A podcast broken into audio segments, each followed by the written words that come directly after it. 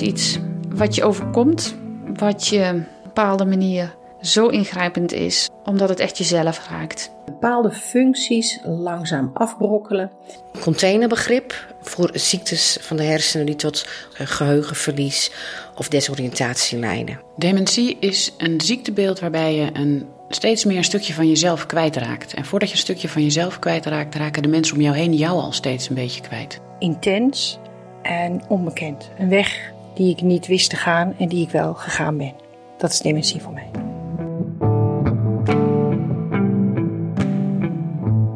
Dementie. Vroeg of laat krijgen we bijna allemaal mee te maken. Een ouder, een partner, een goede vriend. Of misschien treft het wel jezelf.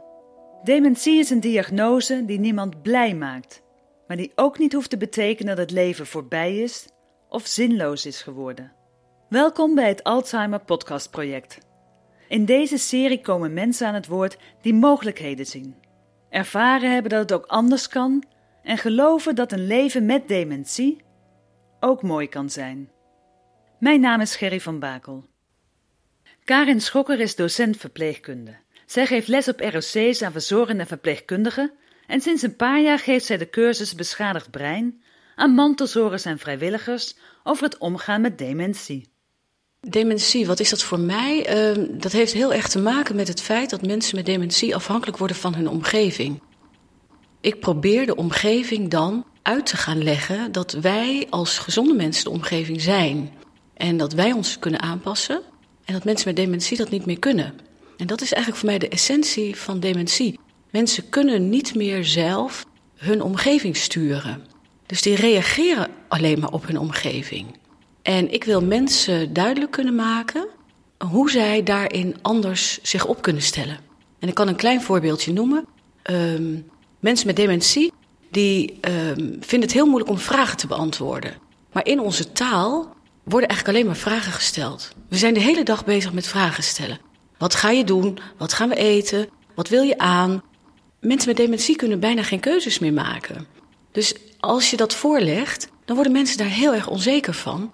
En onzekerheid geeft vaak ook boosheid. Dus dan wordt iemand boos op zijn partner of op nou, geliefde of vader, moeder, kan iedereen zijn.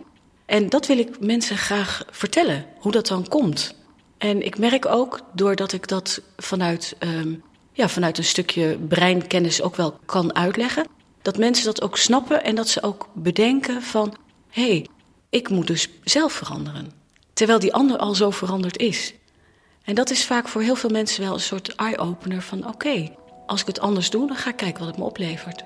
Vragen stellen aan mensen met dementie levert vaak meer frustraties op dan antwoorden. Maar vragen stellen zit heel erg ingebakken in het dagelijks leven. Bijna elk gesprek, elk contact begint met een vraag. Dat is soms lastig, of zelfs rondtijd een bron van irritatie die weer leidt tot boosheid. En ik denk dat we het wel een beetje bij onszelf ook wel kunnen vergelijken. Als we zelf moe zijn, of we hebben zelf het idee van ons hoofd zit vol of zo, dan kun je ook wel zoiets hebben van: joh, val me nou niet lastig, ga weg. Ik heb er geen zin in. Nou, dan kan je ook wel op een narrige manier reageren, terwijl er met je brein helemaal niks aan de hand is. Maar dan word je ook een beetje bozig en dan denk je van nou, schiet op, doe wat. En uh, ja, zo gaat dat bij ons eigenlijk ook. Vragen staat vrij, is een bekend gezegde. Maar voor mensen met dementie geldt dat niet meer. Het ligt er een beetje aan in welk stadium je zit, hè, hoe ver de ziekte gevorderd is. In het begin zal, zullen mensen best nog wel vragen kunnen beantwoorden. Maar je ziet dat dat afneemt, omdat als een, uh, de ziekte dementie, die raakt eigenlijk ons denken. En mensen kunnen in een stadium van dementie wat, wat verder is, kunnen bijna niet meer nadenken. En over iedere vraag moet je nadenken. Wat is voor mantelzorgers nou het moeilijkste om te aanvaarden van de ziekte dementie? Mantelzorgers hebben heel erg veel moeite om om te gaan met uh, diegene voor wie zij zorgen, omdat diegene eigenlijk initiatiefloos is, de hele dag niet weet wat hij moet gaan doen, uh, geen keuzes kan maken en er geen gelijkwaardige relatie meer is. En ik denk dat laatste dat dat wel een van de moeilijkste dingen is die mantelzorgers ervaren. Je hebt geen man-vrouw relatie meer. Het wordt een zorger en een verzorger. En um, als ik dan lesgeef aan mantelzorgers, dan hoor ik dat ook heel vaak terug. Dat mensen zeggen van, ja, ik moet voor twee nadenken. En ik moet voor twee besluiten. En waar ik altijd mijn man voor nodig had, moet ik nu zelf doen. En dan noem ik even als voorbeeldje dat vrouwen bijvoorbeeld hun financiën niet zelf deden. Hun man deed het achter de computer. En nu eigenlijk hopeloos zijn, omdat nu niemand dat meer doet. Dus daar hebben ze dan ook hulp bij nodig. Dat is wel wat ik veel zie bij mantelzorgers, die dan, die dan daar last van hebben. Die gelijkwaardige relaties over. Je wordt verzorger en je ziet de persoon van wie je zielsveel gehouden hebt of nog houdt. Ja, die zie je veranderen in iets waar je geen grip op hebt. Om mantelzorgers weer wat meer grip op een situatie te geven en inzicht te geven in het ziektebeeld van degene voor wie ze zorgden, ontwikkelde Karen Schokker de cursus Beschadigd Brein. Die heb ik uh, gemaakt samen met een andere collega aan de hand van de theorie van Anneke van der Plaats. Dat is een sociaal geriater. En zij heeft um, eigenlijk een, een redelijk simpele theorie uitgedacht over hoe je kan omgaan met mensen met een beschadigd brein. Ik kan misschien wel gelijk uitleggen waarom we over een beschadigd brein praten. Is dat het niet alleen maar iets is wat je bij dementie ziet, maar wij zien dat ook wel bij mensen met bijvoorbeeld een hersentumor. Zien we gedrag. We zien het ook bij mensen die um, een hersenbloeding hebben gehad. We zien het ook bij kinderen met autisme. We zien eigenlijk heel veel hetzelfde gedrag. Het gedrag van de ander kun je niet veranderen. Maar als je begrijpt waar het vandaan komt, is het wel gemakkelijker om ermee om te gaan, vertelt Karen Schokken. Wat ik uitleg is eigenlijk dat we twee um, breinen hebben. Dat is een hele simpele uitleg. Maar we hebben een emotioneel brein en een denkend brein. En vanuit emotie reageren wij eigenlijk gelijk. Wij vinden gelijk iets als we iemand zien of als we iets ruiken, dan is het vies of het is lekker. Of hè, we vinden iemand stom of we vinden iemand leuk. En dat is puur vanuit je emotie. Je kent iemand nog niet, je ziet iemand voor het eerst en je denkt, je denkt er gelijk iets van. Nou, dat is een emotionele reactie. En die hebben we allemaal. Die heb ik ook en die heb jij ook en nou, die heeft iedereen. En vervolgens hebben wij een denkend brein. En daarin zitten al onze moeilijke vaardigheden opgeslagen. En moeilijke vaardigheden is bijvoorbeeld plannen. Ga maar je dag plannen. Nou, dat is een vaardigheid waar je echt wel voor na moet denken. Hoe lang is de dag? Heb ik een auto? Uh, moet ik naar mijn werk? Nou, et cetera. Dat zijn echt lastige dingen. En wat je nou ziet bij een beschadigd brein, en dat is echt wel in, uh, in heel veel vormen van een ziek brein, is dat dat denken beschadigd raakt. Dus wat ga je krijgen? Mensen die kunnen dan minder goed nadenken en die gaan veel meer vanuit emotie reageren. En omdat er vanuit emotie gereageerd wordt, is er vaak heel veel heibel. Want dat is heel erg lastig. Als iemand direct reageert op wat hij ziet of wat hij voelt, dan heb je ook zoiets, ja, maar je kan er toch over nadenken. En dat gaat dus niet meer. Dus dat is eigenlijk de essentie van wat we uitleggen. Van dat we, dat we echt uitleggen van, ja, kijk, u stelt nu wel die vraag of u wil wel dit, maar gaat dat nog wel? Nou, en dat is het stukje omgevingszorg. En wat we ook weten, en wat we zeker weten bij dementie, maar ook bij mensen met autisme, die mensen kunnen dat gedrag niet veranderen. Want het is een ziekte. Ik zie, ik zie dementie ook, is gewoon een ziekte. Dus dat is eigenlijk wat we, waar we veel aandacht aan besteden. Aan dat verschil tussen dat emotionele brein en dat denkende brein. En dan doen we ook oefeningen met mensen. Van uh, als we een beroep doen op dat denkende brein en je weet het even niet. Dus misschien wel leuk om te vertellen. We doen de oefening. Uh, ik ga op reis en ik neem mee. En dan, nou, meestal zitten ze rond de 15 mantelzorgers zitten dan uh, op zo'n cursus. En dan, uh, als ik dat dan aankondig, dat we dat dan gaan doen, dan zeggen mensen gelijk. Dan zijn er altijd al twee of drie die in de stress raken. En dan hebben we nog niks gedaan. Maar twee of drie mensen raken gelijk in paniek. Zo van, oh, dat heb ik nog nooit gekund. En oh, mensen gaan al tellen. Ben ik dan als laatste aan de beurt? Dan moet ik alles onthouden. En dat is nou precies de reactie die je ook op kan roepen als je iets vraagt aan iemand met bijvoorbeeld dementie dat diegene direct in de paniek kan schieten en daarop gaat reageren. Nou, en dat is, dat is een, een oefening die mensen ontzettend grappig vinden om te doen. Het is, ook, het is ook altijd heel gezellig als we die oefening doen. We moeten ook heel veel lachen. En mensen gaan elkaar helpen daarin. En dan denk ik, nou, dat is nou wat je wil. Je wil dus als die ander iets niet meer kan, dat je die kan helpen. Nou, en dat proberen we dan op de goede manier aan te leren eigenlijk. Soms kan het doen van een simpel spelletje als ik ga op reis en neem mee inzicht geven en daarmee verlichting. Maar verandering is niet altijd even makkelijk voor mantelzorgers die heel nauw betrokken zijn bij degene die dementie heeft. Een bijkomend voordeel van de cursus is dat de cursisten van elkaar kunnen leren en vooral erkenning krijgen. De emotionele reacties die mensen hebben, die zijn heftig.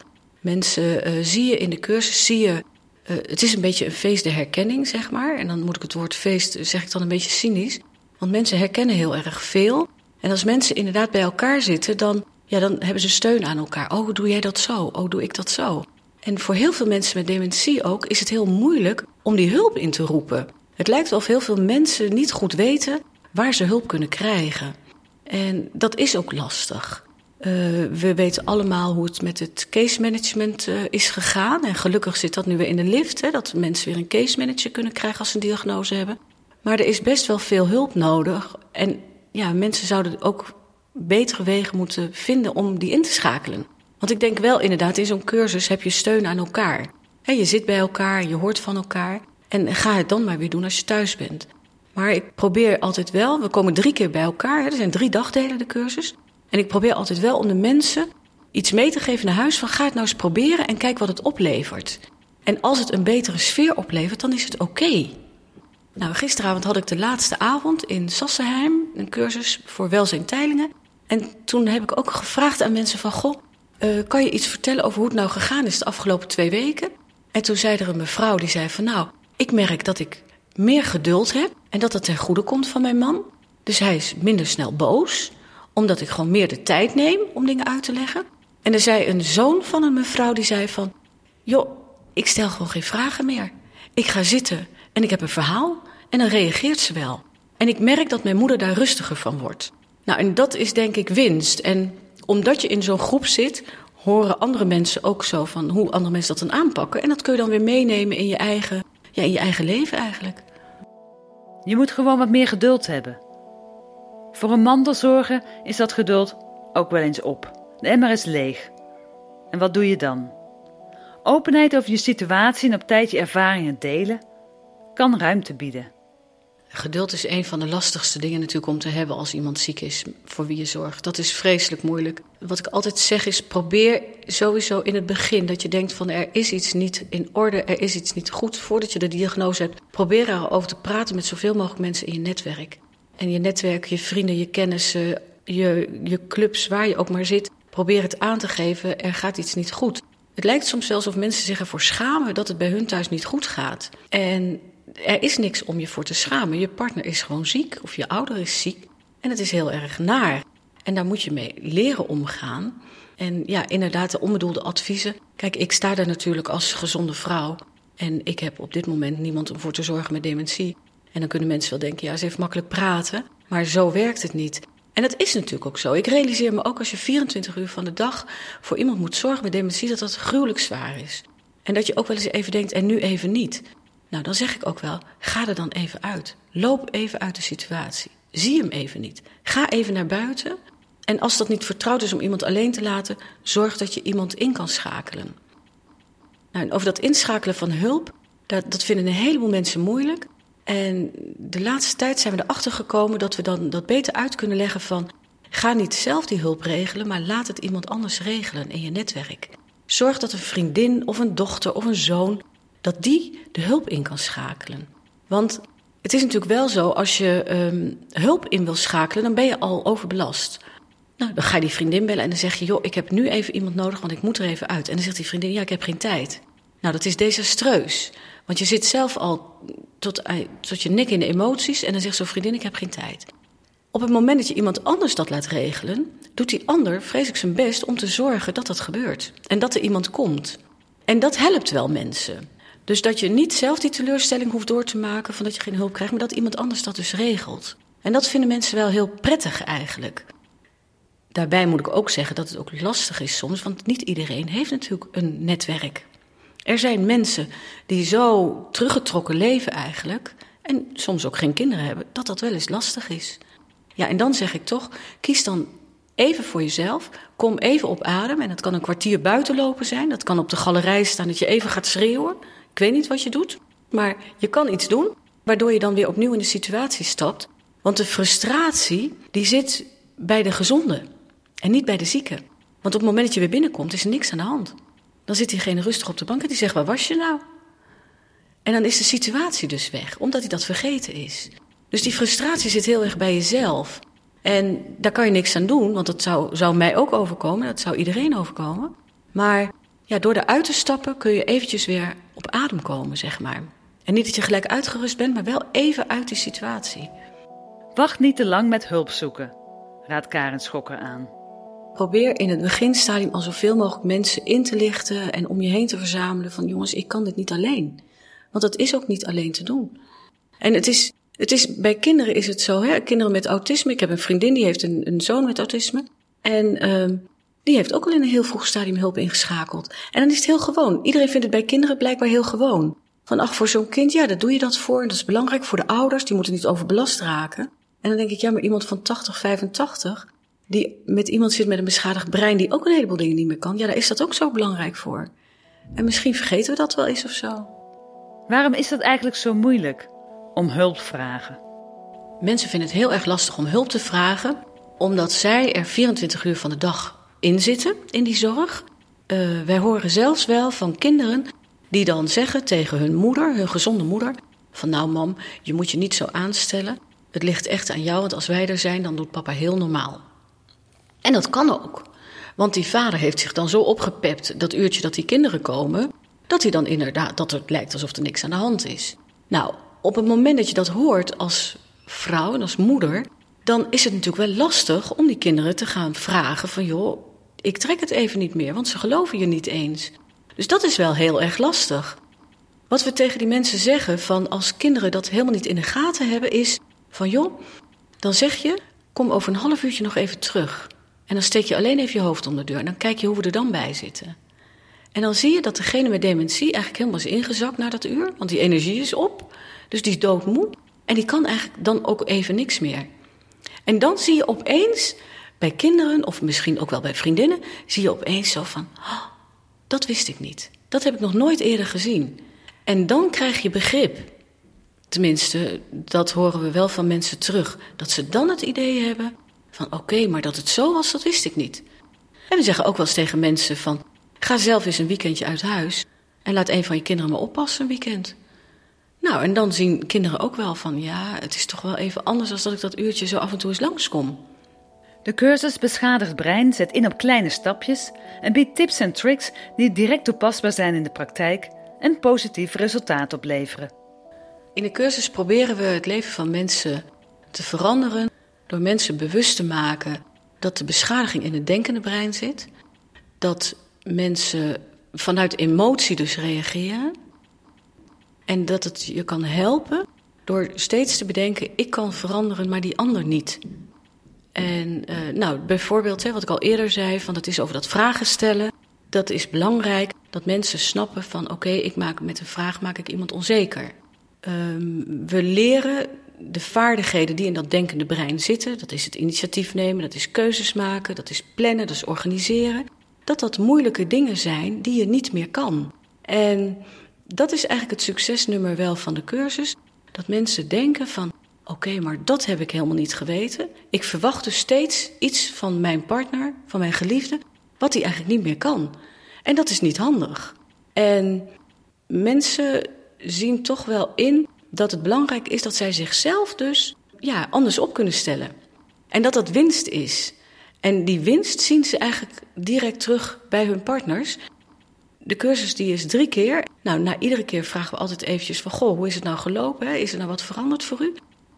Het zijn vaak hele kleine dingen die veranderd zijn.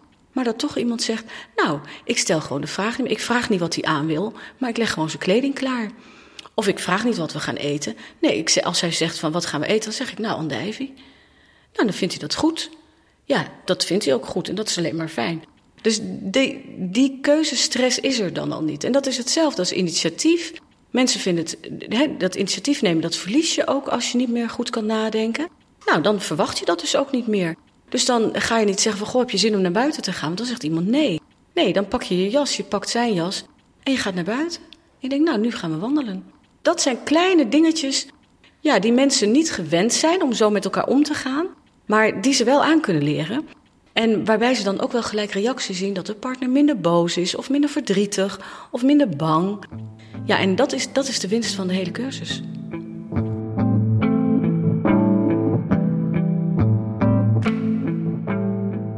Je hoorde Karin Schokker, docent verpleegkunde, over de cursus Beschadigd Brein, die zij ontwikkelde voor mantelzorgers en vrijwilligers over het omgaan met dementie. Sleutelbegrip is dat de verandering van de omgeving moet komen, omdat degene met dementie zich niet meer kan aanpassen. Mijn naam is Gerry van Bakel, bedankt voor het luisteren. Meer afleveringen van het Alzheimer Podcast Project zijn te vinden op mijn website gerryverhalenbedrijf.nl en de bijbehorende Facebookpagina.